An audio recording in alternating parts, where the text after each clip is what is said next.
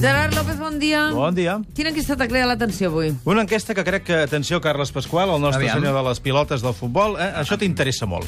Segons les estadístiques durant aquesta Eurocopa, que ja està disputant-se a França, els episodis d'estrès entre els aficionats al futbol poden créixer fins a un 20%. I això que només acaba de començar. Exacte. Els moments, els moments més crítics, eh, no ho diríeu mai, són les pròrrogues i els penals. Que no n'hi ha hagut cap. Exacte.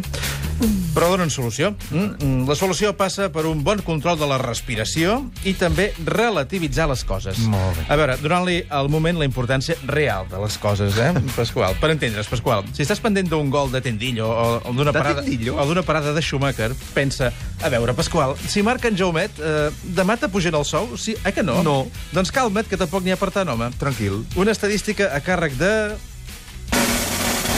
Nàstia, que és empresa de tractaments i tècniques de control d'estrès i biofeedback. Veus?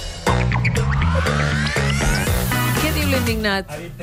I Schumacher, tu. Què diu? Sí, Escolta'm, a, a quin final de temporada que estem tenint, tu? quin Doncs final sí, de temporada. sí, sí. Déu-n'hi-do, no? sí. Apassionant. Sí, sí. Bueno, No podia ser millor. No em refereixo No a me la- l'imaginava millor. No em refereixo pas a les eleccions, eh?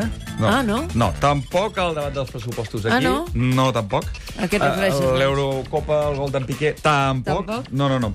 Em refereixo a la festa de final de curs que va fer l'AMPA de l'escola dissabte, l'espectacle de final de curs de l'escola de música de la Gran, l'exhibició de natació del Petit, l'exposició de les peces de fang del taller de manualitats de la Gran, la festa d'aniversari de tot el grup de les classes dels Tigres que fan junts els anys, el, juny, el juliol i el juny, el debat amb els pares sobre si fem o no fem regal als mestres, el debat sobre què els regalem, la reunió de presentació de les colònies de la Gran, que se'n va, sí, saps? Se'n va, tu, quina gràcia.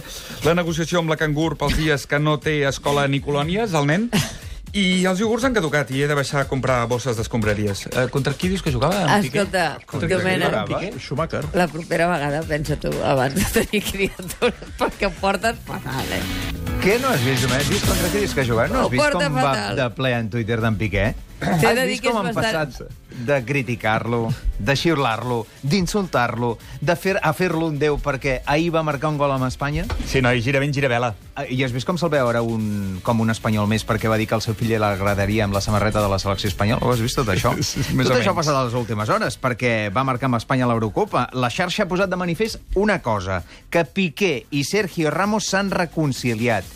Així ho veu tothom després de la piolada de Piqué un cop acabat el partit. Què va dir? Diu, supongo, en castellà, que no hace falta decir nada más. Somos un magnífico equipo. Per cert, ja té més de 37.000 repiolades.